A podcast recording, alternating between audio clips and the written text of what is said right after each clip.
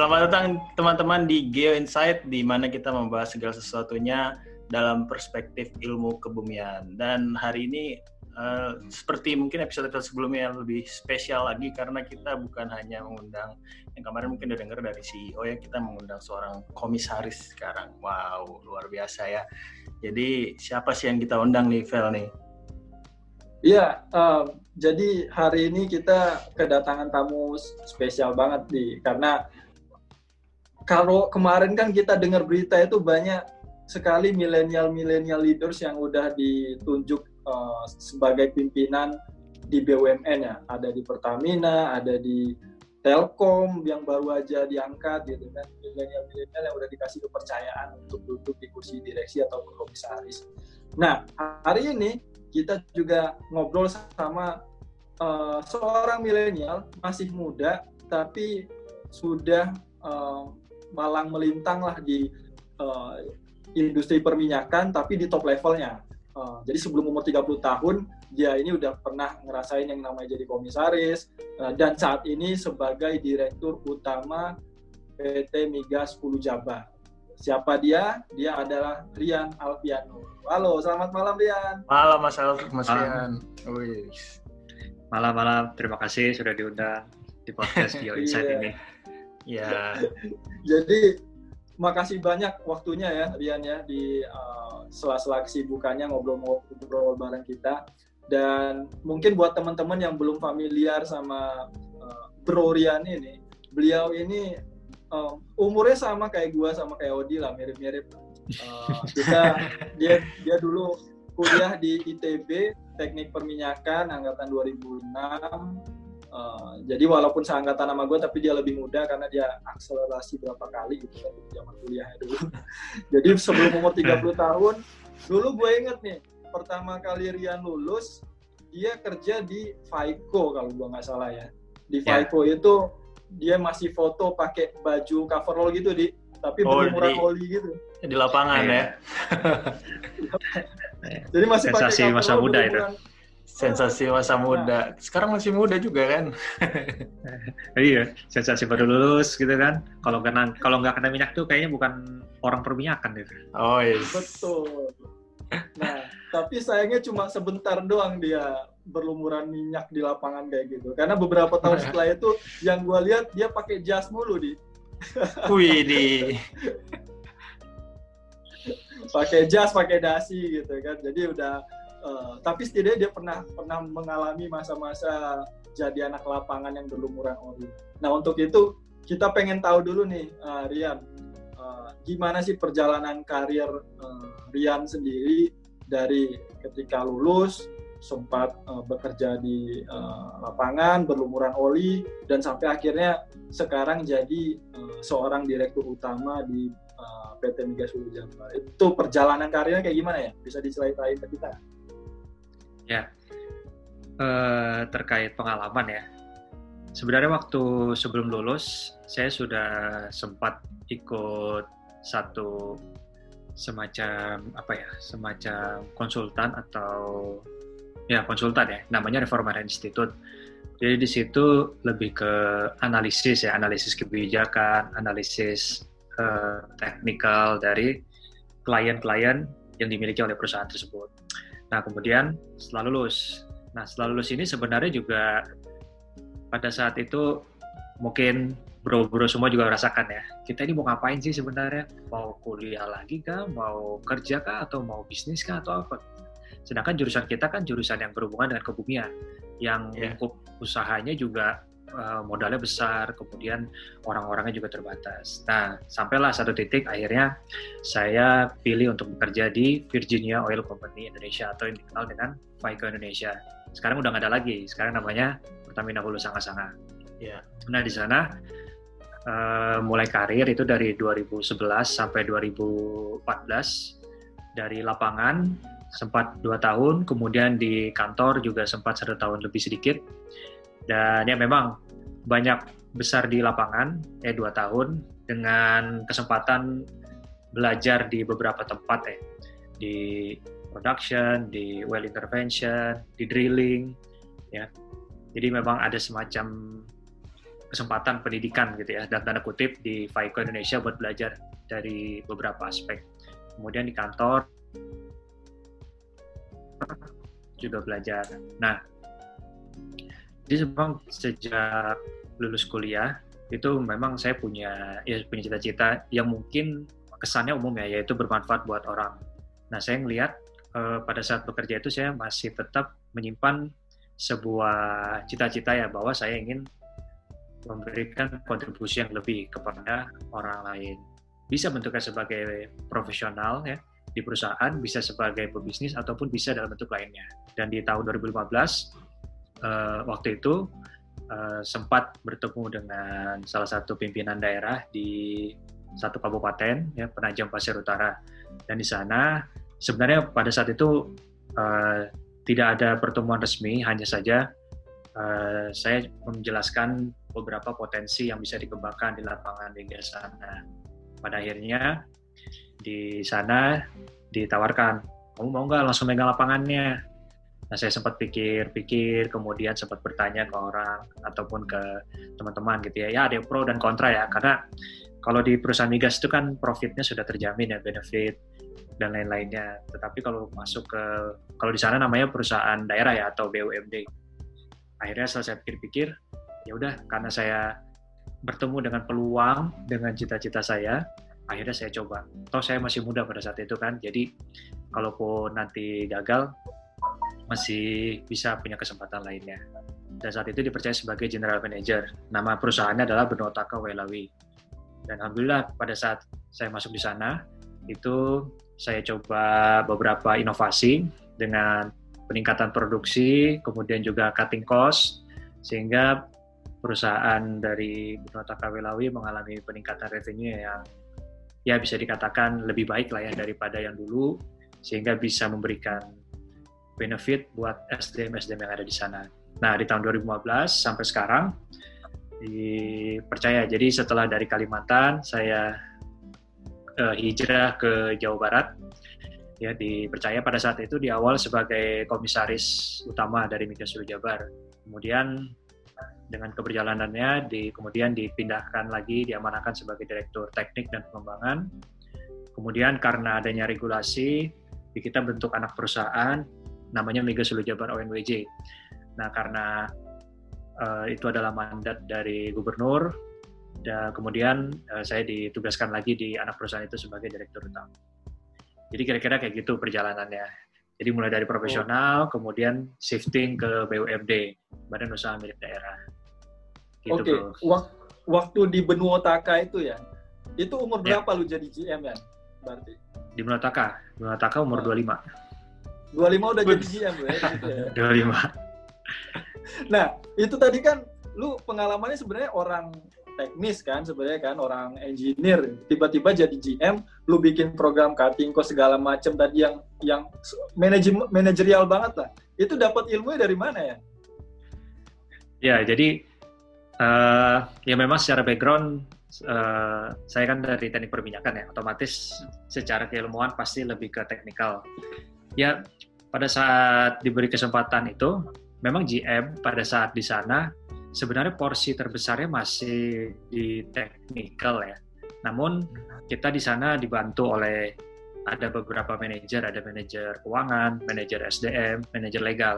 Dan ya mau tidak mau, yang namanya sebagai seorang pemimpin, kita harus akselerasi pengetahuan dan wawasan kita ya. Bahkan bukan hanya sekedar wawasan, tetapi juga kompetensi kita. Jadi ini kita belajar laporan keuangan, belajar tentang legal, dan lain-lain ya alhamdulillah di sana cukup support orang-orangnya dan juga memang ya perlu sedikit ekstra kerja keras ya mencoba menambah wawasan baik melalui seminar maupun dengan membaca buku.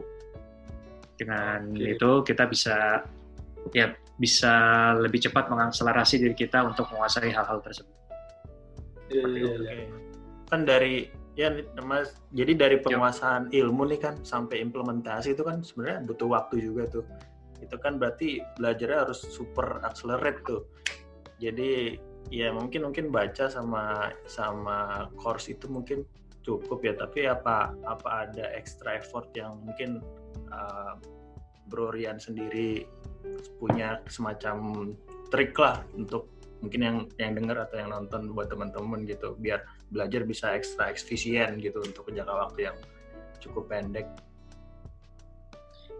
Ya, jadi ya sebenarnya kalau bicara strategi mungkin lebih banyak orang yang ahli ya, tapi mungkin saya memulainya dari perasaan curiosity kita, uh, curiosity oh. saya atau keingintahuan saya terhadap ilmu-ilmu baru dari korporasi. Jadi memang harus dimulai dari situ dulu sih saya rasa karena dari kesukaan kita itu akan mendorong kita buat uh, mengoptimalkan waktu kita untuk mempercepat pengetahuan-pengetahuan kita terhadap hal tersebut.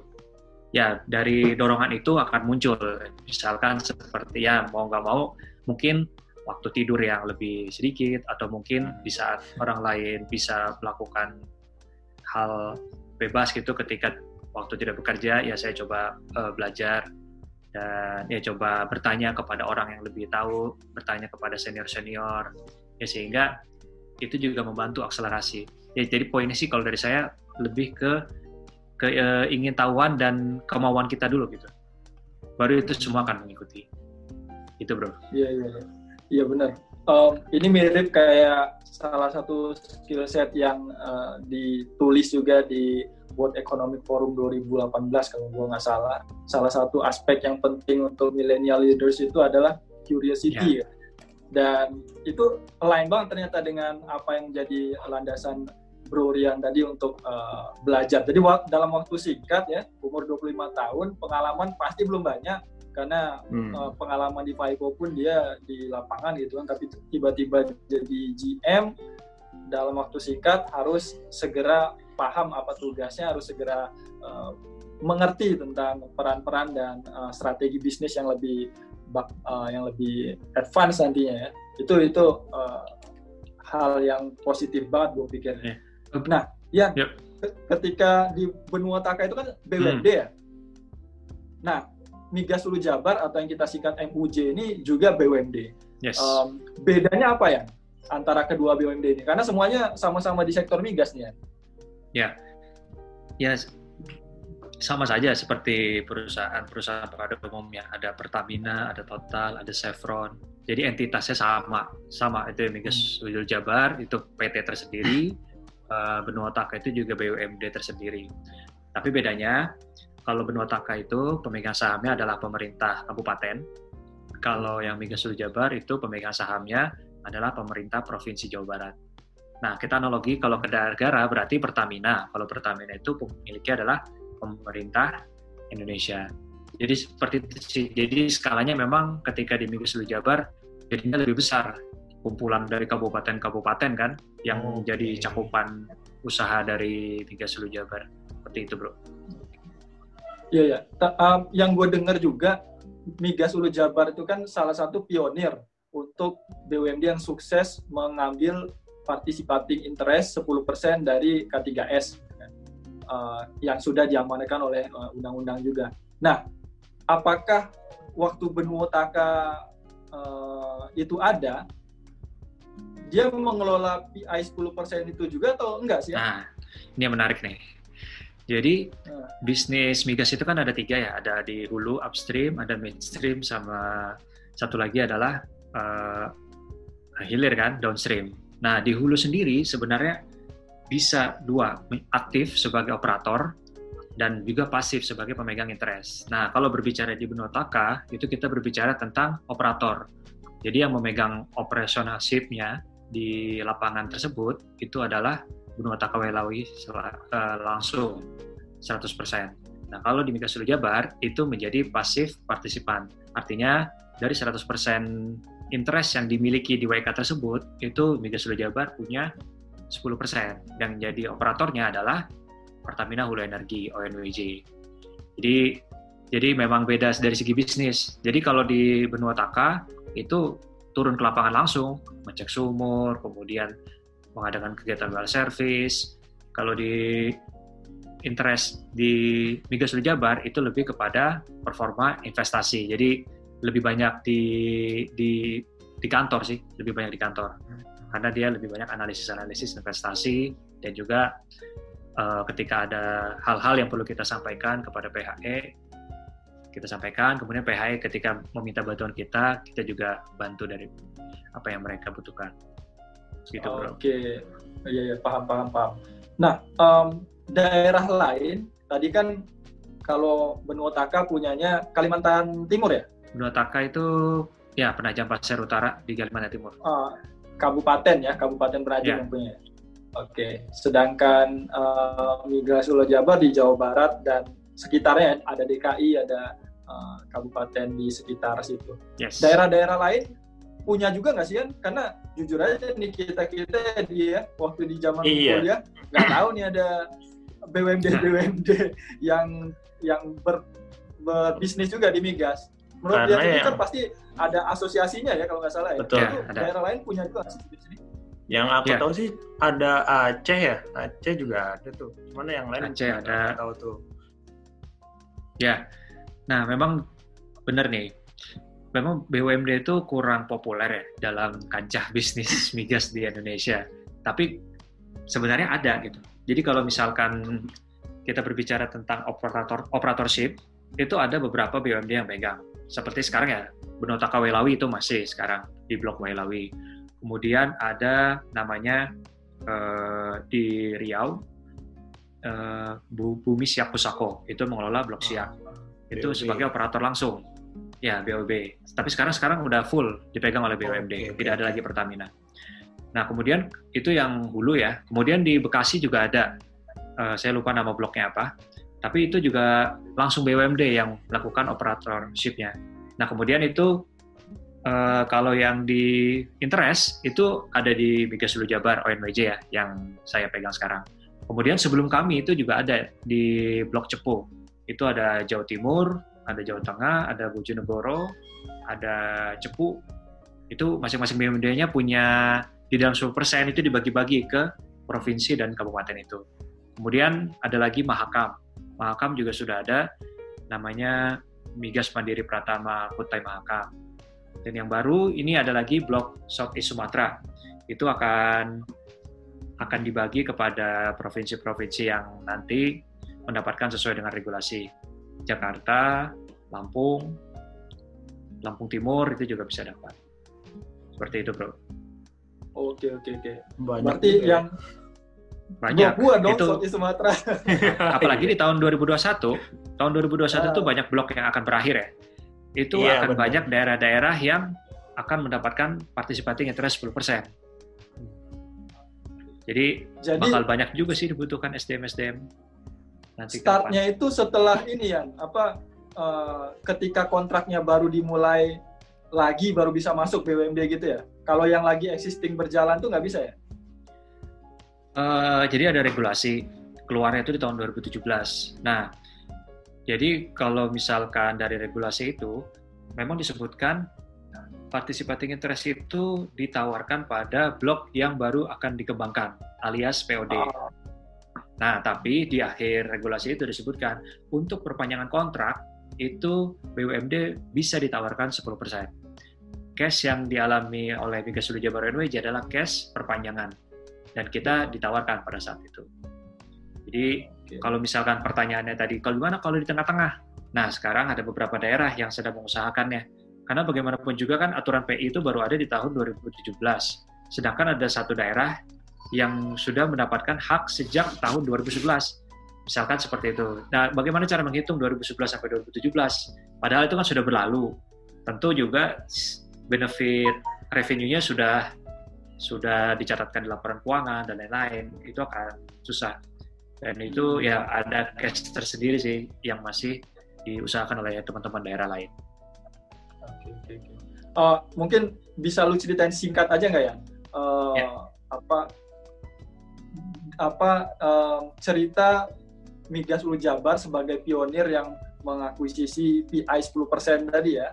Itu uh, up and down-nya seperti apa? Uh, tingkat yang paling sulitnya itu yang diurus apa? Apakah harus menyertakan modal sehingga lu harus nyari investor ke luar negeri ke mana-mana gitu kan atau ada tantangan yang lebih besar daripada itu sebenarnya tantangan daerah terbesar untuk mengambil PI 10% itu apa sih ya? Ya, jadi uh, perjuangan kita untuk mendapatkan PI 10% itu dimulai tahun 2015 ya. Jadi kalau dibilang up and down, ya tentu itu terjadi juga di kita. Salah satunya adalah ketika di 2015 kita tidak memiliki regulasi sama sekali untuk bisa mendapatkan PI 10% di blok perpanjangan. Jadi pada saat itu kita ya berusaha melakukan komunikasi dengan Kementerian SDM, dengan SKK atau dengan pihak terkait lainnya. Yang mana mereka pun juga sebenarnya juga karena tidak ada regulasi, mereka juga sedang menggodoknya di dalamnya. Dan itu yang kita coba terus komunikasikan. Dan pada saat itu juga kita harus mencari modal ya. Mencari modal. Tentu di bisnis migas kita membutuhkan modal yang sangat besar. Modal perusahaan kita itu hanya 50 miliar rupiah ya. Sedangkan investasi di dalam satu blok, let's say blok blok sebesar ONWJ ataupun blok yang sekelas itu pasti membutuhkan lebih dari 10 juta dolar. 10 juta dolar ya. Kalau kita asumsikan 100 persen 100 juta dolar. Nah 10 juta dolar itu adalah 100 miliar atau 140 miliar lah ya kalau satu dolar itu adalah 14 ribu. Itu nggak bisa daerah. Apalagi penuh resiko. Kalau kita minta dari APBD itu akan beresiko tidak memberikan keuntungan. Artinya kita harus mencari mitra atau pinjaman. Nah itu juga kita sudah hunting berbagai macam mitra dan juga lembaga perbankan yang berpotensi untuk membantu kita. Sebenarnya akhirnya dari usaha kita itu tahun 2017 akhir itu kita sudah mendapatkan mitra. Salah satu mitra kita akhirnya setuju dengan skema bisnis yang kita tawarkan, sudah tanda tangan, sudah deal. Nah, tahu-tahu regulasi dari pemerintah itu keluar. Regulasi itu keluar dan akhirnya membuat yang tadinya BUMD harus menanggung biayanya, sekarang ditanggung oleh kontraktor. Eh, eh maksud saya oleh operator. Sehingga semua biaya akhirnya kita ditalangi terlebih dahulu, kemudian uh, kita ganti melalui uh, hasil produksi yang didapatkan. Tentu ini akan jadi keuntungan buat blok-blok yang sudah berproduksi, tetapi akan menjadi challenge tersendiri untuk blok-blok yang baru mulai berproduksi karena pasti akan balikin modal dulu. Nah, itu oh. kemudian juga kita harus bisa bernegosiasi dengan uh, operator. Tentu operator sudah punya standar tertentu untuk bisa bernegosiasi karena mereka sudah sering melakukannya untuk melakukan divestasi dan bagaimana cara kita untuk berstrategi bisa mempertahankan hak dan kewajiban yang kita harus dapatkan, kemudian juga menjaga bargaining position. Tentu itu akan jadi challenge tersendiri buat setiap BUMD yang melaksanakan PI 10%. Kira-kira begitu.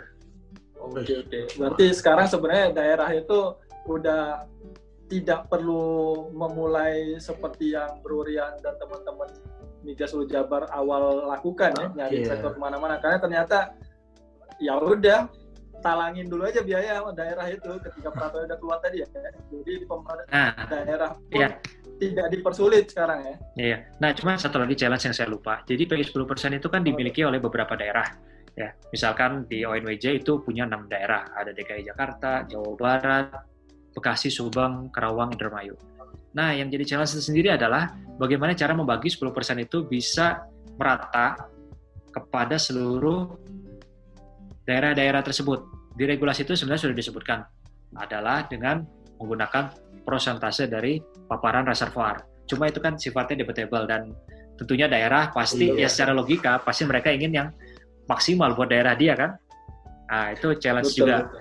Jadi challenge-nya di internal BUMD ada, di internal BUMD dan kontraktor ada, BUMD dengan pemerintah pun juga ada. Seperti itu. Iya. Motong itu yang kayak Jawa gimana itu? ributin sekarang ya. Gitu.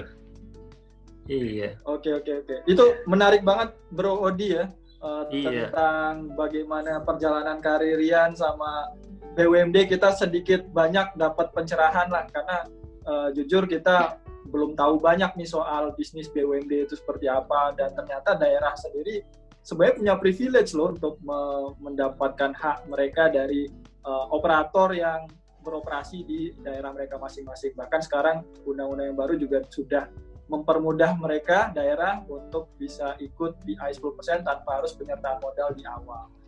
Yeah, uh, yeah. Gue pikir uh, untuk obrolan BUMD-nya tadi sangat seru dan kita bisa uh, post dulu di sini sebelum lebih jauh kita ngobrolin BUMD.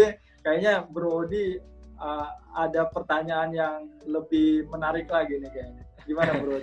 Sebenarnya masih penasaran nih Bro Rian buat BUMD-nya, tapi mungkin kalau digali lebih dalam jatuhnya jadi teknikal gitu ya. tapi kan ini nanti buat... di pertemuan berikutnya aja Bro. Oh siap siap.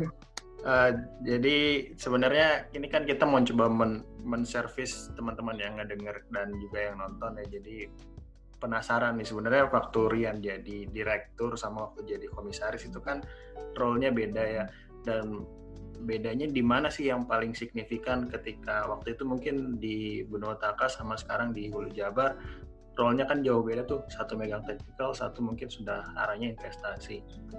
Challenge-nya masing-masing tuh gimana sih? Ya jadi waktu di Benua Taka sebenarnya kan posisi general manager itu masih karyawan ya. Artinya kita punya hak yang sama seperti karyawan. Maksudnya kita punya kontrak, mau bagaimanapun juga, ketika kontrak itu selesai kan, baru kita diselesaikan dinasnya. Nah, kalau misalkan kita di BUMD Jabar, itu kan kita berada dalam posisi direksi dan komisaris. Direksi dan komisaris itu punya batas waktu, yaitu lima tahun kalau di Indonesia. Hmm. Tentunya dalam lima tahun ini kita harus menjalankan KPI-KPI atau Key Performance Index yang sudah ditetapkan oleh pemegang saham. Kalau misalkan kita tidak bekerja dengan baik, ya kita bisa aja langsung diberhentikan.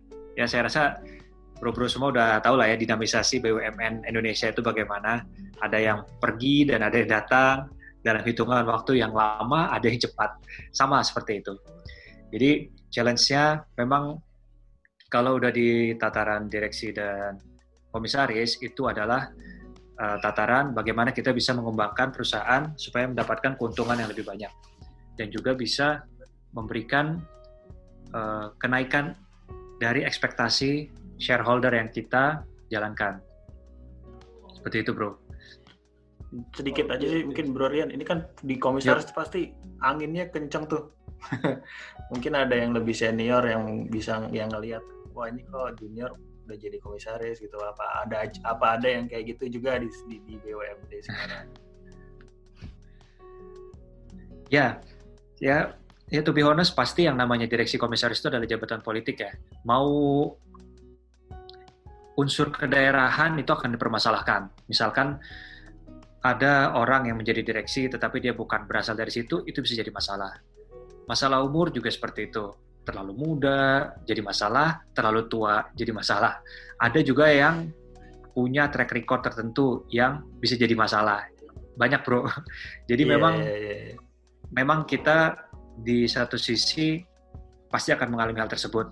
Tetapi secara profesional seharusnya memang direksi dan komisaris itu ya bekerja sesuai dengan job desk-nya. Oh ya sebelum saya lupa, jadi uh, yang namanya di Indonesia itu ada dua ya, ada komisaris, ada direksi. Jadi kalau komisaris itu itu sifatnya adalah lebih ke pengawas.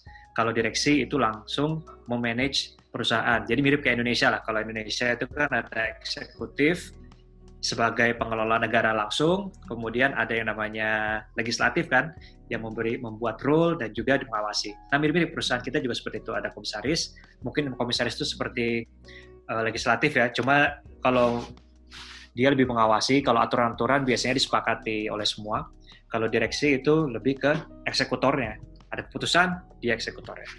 Seperti oh, itu. siap, siap, siap.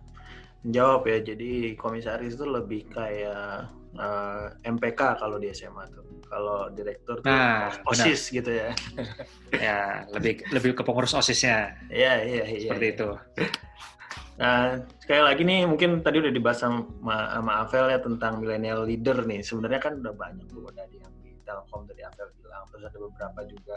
Sebenarnya uh, millennial leader tuh kan image-nya ke startup ya dan sekarang mulai masuk ke ke pemerintahan dan juga BUMD dan juga BUMN.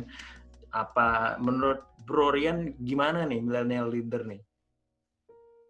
Ya, buat negara kita kayaknya milenial leader itu baru sekarang-sekarang ya menjadi hot issue padahal di negara luar sana semacam Amerika ataupun Eropa masalah umur itu biasanya menjadi nomor kedua ya yang paling yeah. diutamakan adalah kompetensi. Nah balik lagi ke Indonesia ya ini adalah satu tanda positif ya artinya kita sebagai yang muda-muda sudah bisa mulai dipercaya oleh yang lebih senior dari kita, saya tidak nyebut tua ya, yang lebih senior dari kita, untuk bisa juga turut uh, memberikan kontribusi dalam menjalankan perusahaan. Sebenarnya kita bisa lihat kalau di Malaysia itu juga sudah ada sebenarnya menteri muda. Ada hmm, dua menteri, yeah, saya yeah. lupa ya. Yang satu di bawah 35 tahun, dan satu di atas 35 tahun. Artinya memang trennya ke sini itu memang yang muda-muda ini sudah bisa memimpin karena di satu sisi kita lahir dengan keuntungan teknologi yang sudah berkembang saat ini. Tadi saya juga lupa di di awal saya bilang saya belajar dan belajar itu maksudnya adalah kita gampang sekali menemukan informasi-informasi di internet kan. Beda kalau jangan zaman dulu kan harus baca bukunya uh, di perpustakaan mungkin atau mungkin uh, menunggu kiriman buku dari luar negeri. Kalau sekarang kita buka sedikit internet sudah ada, sehingga kita bisa lebih cepat. Jadi yes. itu tanda-tanda positif ya. Kemudian juga saya merasa memang di perusahaan itu harus ada sentuhan dari anak muda. Kenapa? Karena anak muda itu biasanya kreativitasnya lebih bisa terbuka dibandingkan yang tua. Kenapa? Karena kalau yang tua itu kan sudah banyak pengalaman, sehingga kadang-kadang mereka terjebak di dalam yang namanya status quo dalam artian hmm. karena dia merasa setiap tahunnya sudah pernah merasakan sebuah masalah dan dia tahu solusinya dan berulang-ulang setiap tahunnya, akhirnya mereka merasa ketika ada satu masalah ini solusinya ini. Nah, buat hmm. yang muda ketika masuk kan ketika dia ada masalah, bisa jadi dia punya pemikiran-pemikiran yang berbeda dengan uh, wawasan yang dia punya, sehingga bisa jadi alternatif-alternatif baru untuk perusahaan. Dan itu terbukti kan, makanya tadi sempat disinggung, kalau startup-startup itu kenapa berasal dari yang muda-muda? Ya karena memang kayak anak muda sekarang kreativitasnya sudah semakin semakin banyak gitu dibandingkan dengan generasi zaman dulu. Itu yeah. bro. Oh mantap bro. Ini ngomong kreativitas nih sedikit, mungkin uh, kalau di B di badan usaha negara itu kan mungkin regulasinya jauh lebih banyak ya, atau lebih ketat mengikuti aturan negara. Seberapa lebar sih room for creativity di di sana gitu? Ya, jadi bahasa kreativitas kita di dalam perusahaan itu bisa diartikan bagaimana cara kita meningkatkan profit ya dengan pengembangan hmm. usaha yang kita lakukan. Nah, di dalam BUMN ataupun BUMD itu rule-nya sangat banyak. Banyak sekali aturan-aturan yang yeah. perlu dilakukan. Lebih baik kita ikuti rule itu dan tidak terjadi apa-apa daripada kita melanggar. Nah, ruangnya di mana? Ruangnya adalah uh, jadi kita harus tahu dulu bagaimana sebuah corporate governance itu berjalan atau bagaimana uh, prosedur perusahaan itu berjalan. Jadi supaya kita tidak terjebak di dalam batasan-batasan itu, kita harus tahu dulu semuanya ini. Tentu wawasan legal menjadi penting ketika kita mulai mendapatkan posisi yang strategis dalam perusahaan. Dalam artian, misalkan bro-bro nanti akan jadi manajer, bro-bro juga harus sudah melek itu terhadap hal yang sifatnya legal. Misalnya mau mau menyetujui satu proposal, tanda tangannya harus A, B, C itu udah harus. Nah, yeah, yeah. ketika kita sudah tahu semua, maka kita tahu batasan kita kan, rule kreativitasnya sampai mana. Satu tantangan di BUMN maupun BUMD itu adalah masalah kecepatan dalam memutuskan. Memang itu yang menjadi uh, tantangan ya. Saya bukan bilang masalah, tetapi tantangan buat uh, ya siapa pun yang memiliki posisi sebagai uh, manajemen tertinggi di dalam perusahaan. Karena kalau swasta dia mudah untuk memutuskan satu keputusan bisnis. Tinggal telepon sana telepon sini, oke okay, bro bro, dah dah dia semua bisa langsung bisnis jalan. Tapi kalau di BUMN atau BUMD harus ada pertemuan, harus ada notulensi, harus ada keputusan yang jelas, yang mengetahui siapa, dan seterusnya. Itu yang menjadi challenge. Iya, iya. Banyak juga ya yang harus di, diikutin jalurnya gitu. Iya, iya. Terus salah-salah uh, nanti KPK yang masuk ya. KPK, BPK, oh banyak. ya, jadi Tapi sebenarnya aturan yang ada di Indonesia itu hampir sama sih sebenarnya. Hmm. Bahasa Inggris. Cuma memang ada beberapa yang uh, belum bisa langsung diadop langsung oleh negara kita. Misalkan persetujuan lewat email. Terkadang ada beberapa perusahaan yang tetap harus menggunakan surat. Oh ya bahasa. Tapi ada juga ya. perusahaan yang dengan email udah cukup. Nah hmm. seperti itu. Oke okay, oke. Okay. Ya mungkin ini tugas yang milenial milenial ini mulai memperkenalkan memajukan teknologi ke dalam sistem-sistem pemerintah Betul. mungkin ya. Sepakat bro. Eh, mantap. Nah buat yang Oh iya. Ya gimana bro Rafael? Enggak, gue penasarannya ini. Um, Rian umur 25 tahun uh, udah dipercaya pemimpin daerah untuk jadi GM di Benua Taka. Sebelum 30 tahun juga ditunjuk jadi komisaris di Migas Ulu Jabar dan jadi direktur di direktur utama bahkan di uh, Migas Ulu Jabar ONWJ. Terus kita lihat Fajrin Rasid yang kemarin baru aja dilantik hari ini malah dilantiknya jadi Telkom. direktur salah satu direktur di Telkom. Terus kemarin juga berapa hari yang lalu di Pertamina Hulu Energi komisar salah satu komisarisnya juga uh, baru 33 tahun. Yeah. Nah, anak-anak muda ini akhir pada akhir ditunjuk uh, sebagai uh, direksi ataupun komisaris berdasarkan pengalaman dan pengetahuan Rian nih uh, terkait penunjukan komisaris dan direksi di sebuah uh, badan usaha milik negara ataupun daerah itu uh, prosesnya seperti apa sih yang uh, apakah ujuk-ujuk dipanggil ditunjuk atau semacam ada uh, beauty contest yang untuk memperkenalkan diri? Itu kayak gimana ya? Ya, uh, kalau kita berbicara tentang penunjukan direksi maupun komisaris itu sebenarnya ada prosesnya bro. Jadi uh, kalau di BUMN itu ada Kementerian BUMN. Nah biasanya di Kementerian BUMN uh, saya lupa nama direktoratnya apa atau nama bagian apa. Tetapi memang di BUMN itu ada dua ada dua cara buat mencari calon-calon direksi atau komisaris dari sebuah BUMN. Yang pertama bisa dari internal perusahaan, bisa yang kedua dari eksternal perusahaan. Kalau internal perusahaan biasanya dilihat dari bagaimana kinerja mereka, kemudian bagaimana uh, track record dia selama bekerja, kemudian pengabdian dia. Kalau dari eksternal biasanya bisa dari sisi track record juga, kemudian dari sisi bagaimana dia pernah menjalankan sebuah perusahaan yang sama dengan sektor yang sama dan dia berhasil di sana, kemudian direkrut oleh BUMN untuk bisa memegang perusahaan BUMN, macam-macam. Jadi seperti itu uh, pemilihannya. Ya tentu pada akhirnya sebenarnya yang berhak menunjuk direksi dan komisaris itu sebenarnya adalah presiden, tapi presiden sudah memberikan uh, otoritas untuk memilihnya di Kementerian BUMN. Dalam hal ini adalah Menteri BUMN. Jadi kalau secara sederhana sebenarnya Menteri BUMN punya hak buat menunjuk si A, si B. Cuma kan nggak seperti itu. Ada prosedur tetap yang harus dijalankan. Itu dari sisi regulasi ya. Nah kemudian kalau dari sisi kita, ya sebenarnya kalau ditanya apa yang harus disiapkan ya nggak ada sih bro. Jadi istilahnya yang namanya itu kan jabatan politis ya, artinya jabatan itu bisa datang ketika memang stakeholder atau shareholder meminta kita atau mempercayakan kepada kita untuk menjaga perusahaan. Yang bisa kita lakukan adalah ya dengan track record kita, kita lakukan yang terbaik. Misalnya kita sebagai kalau misalnya saya sebagai petroleum engineer, ya saya lakukan yang terbaik yang bisa saya lakukan. Sebagai geologis, ya saya lakukan.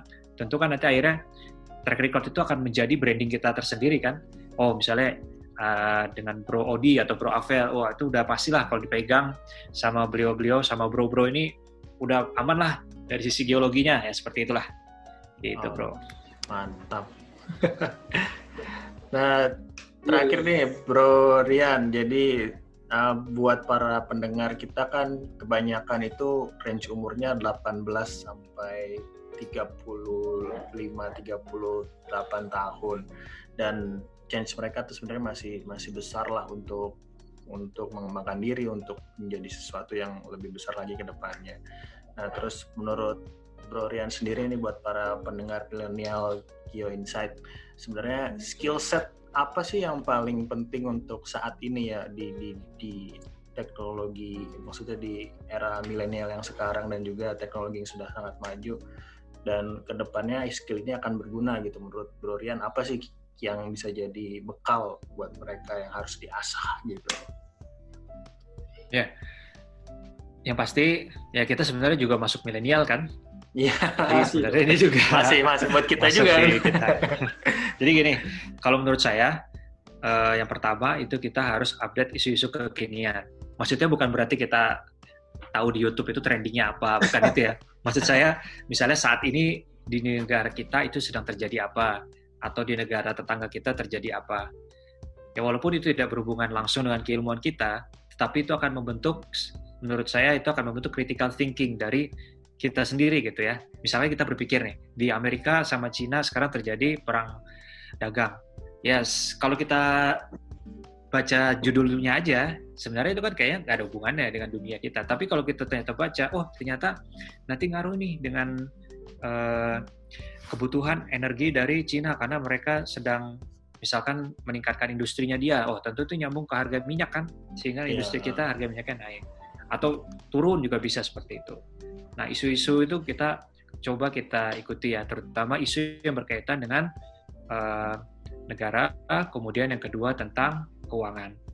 Menurut saya, uh, walaupun kita hmm. orang-orang yang dengan background teknik ataupun ilmu kebumian, menurut saya kita juga tetap harus uh, update tentang isu-isu yang sifatnya keuangan. Tidak perlu terlalu detail, tetapi kita minimal tahu Eh, perkembangan-perkembangan yang terjadi saat ini. Misalkan rupiah naik, rupiah turun, itu kalau kita lihat ternyata berhubungan dengan oil price kan.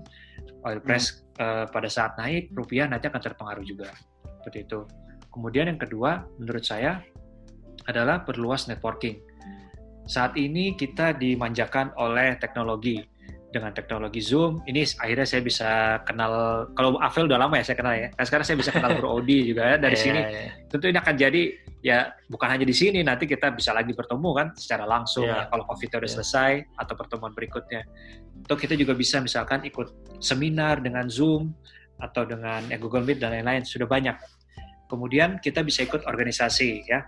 Saya juga tahu hmm. Bro Avel banyak organisasi organisasi geologinya, tentu itu kan juga menambah networking kita. Jadi kita nggak mesti berpikir bahwa networking kita itu harus menteri, wakil menteri, atau direktur A, direktur B. Menurut saya enggak, tetapi kita juga harus kenal, misalnya kayak dengan middle management, kemudian dengan teman-teman sebaya kita. Karena kita nggak pernah tahu, bisa jadi teman-teman kita nanti akan memberikan peluang kepada kita. Ya, baik itu berupa bisnis, lowongan pekerjaan, dan lain-lain. Kemudian yang tidak lupa juga kita harus perluas wawasan kita. Kalau tadi isu-isu berkaitan dengan pengetahuan ya, kalau wawasan itu lebih kepada keilmuan kita. Kita harus update terus dengan keilmuan kita. Ya, kalau misalkan di kita di ilmu kebumian, kita ya minimal tahu ya, sekarang ini teknologi apa yang berkembang di dalam dunia perminyakan maupun dunia pertambangan. Kemudian yang saya rasa juga perlu jika di sini para pendengar dalam tanda kutip berambisi untuk memiliki achievement lebih, itu saya menyarankan teman-teman juga perluas wawasan legal. Wawasan legal itu tentang regulasi-regulasi dan juga keuangan perusahaan. Coba saja belajar. Jadi sekarang kan juga banyak ya eh, cara mengikuti training-training kan dengan uh, Udemy, dengan Coursera dan lain-lain ya. Itu kan banyak hmm. misalkan financial for non financial. Ya. Jadi itu kita pelajari bagaimana bisnis itu bisa kita laksanakan bukan hanya dari sisi teknis saja, tetapi juga mungkin nggak secara regulasi, mungkin nggak secara uh, keuangan. Dan terakhir, jangan lupa kita cari mentor. Menurut saya ini juga penting karena bagaimanapun juga mentor ini adalah orang-orang yang sudah menjalankan uh, hal yang lebih duluan dari kita. Ya, mentor itu bisa banyak ya, bisa bos kita di perusahaan, bisa dari kenalan di organisasi kita, bisa orang-orang yang mungkin bukan dari bisnis yang sama dengan kita, tetapi uh, kita bisa ambil insight dari mereka, bagaimana dia bertahan dalam bisnisnya, atau bagaimana cara dia bisa moncer karirnya, sehingga kita istilahnya kita bisa lebih efektif gitu. Kan kita itu sebenarnya akan lebih mudah menuju satu tempat ketika kita uh, sudah diberitahu orang atau kita sudah tahu petanya kan, nggak perlu lagi nyari ke sana ke sini sehingga waktu yeah. kita lebih efisien seperti itu. Itu bro, menurut Mantap. saya. Mantap. Ini kalau gitu gue langsung minta aja Rian jadi mentor gue udah. Berdua fans kan? ya kita belajar bareng lah. Kan iya, saya juga butuh ya, belajar geologi, belajar ya, banyak. Oke oke. Iya. Jadi, Jadi kalau kayaknya gimana nih? Silakan silakan Bro Rafael. Oh ya, jadi kayaknya kita uh, udah cukup panjang nih obrolan kita. Sebenarnya masih seru banget kalau kita lanjutin nih bisa-bisa jadi tiga episode nanti ya. Iya. Tapi untuk untuk sekarang gue pikir uh, kita udahan dulu ngobrol sama Riannya karena ini cukup padat. Ini ibaratnya daging semua lah. Bisa kita kunyah bareng-bareng ini nanti semua. Wih, mantap. Uh, Geo Insight. Uh, dari banyak sekali kalau kita uh, aku rekap sedikit ya obrolan kita di awal ya bahwa um, Bro Rian itu sendiri dari kuliahnya aja ternyata sudah uh, aktif tidak hanya belajar ilmu teknik perminyakan doang, tapi dia juga sempat uh, nyambi di konsultan uh, Reform Minor Institute yang itu ternyata memaparkan dia terhadap isu-isu yang uh, lebih strategik. Sehingga uh, nantinya bekal itu ketika lulus jadi bermanfaat banget buat buat dia. Dan um, selama menjalani karir yang perlu kita catat dari apa yang jadi kisah Rian ini adalah dia selalu memberikan yang terbaik ya. Uh, apa pun porsi yang diberikan kepada dia. Waktu jadi engineer di lapangan ya dia berlumuran oli memang. Dan ketika di kantor pun dia juga uh, bekerja memberikan yang terbaik. Sehingga ketika bisa memberikan yang terbaik di posisi apa pun yang diberikan maka nantinya itu bisa jadi uh, personal branding juga bahwa kalau kita ingat hmm.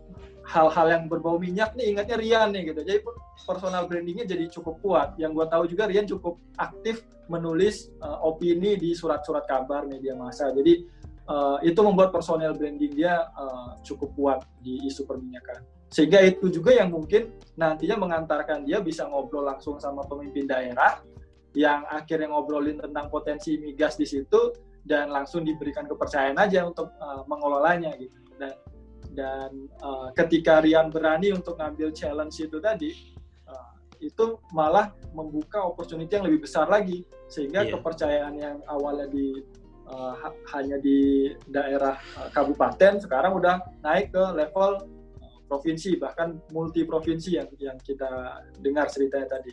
Sehingga teman-teman perlu uh, catat poin tips terakhir dari Bro Rian tadi menurut gua uh, mantep banget dan itu adalah summary dari uh, semuanya bahwa yang pertama kita harus aware isu yang beredar itu apa. Jadi kita nggak hanya um, mentok di apa yang kita uh, yang apa yang jadi skill kita doang. Katakanlah gue geologi nih, gue cuma taunya isu geologi doang sebenarnya nggak nggak kayak gitu.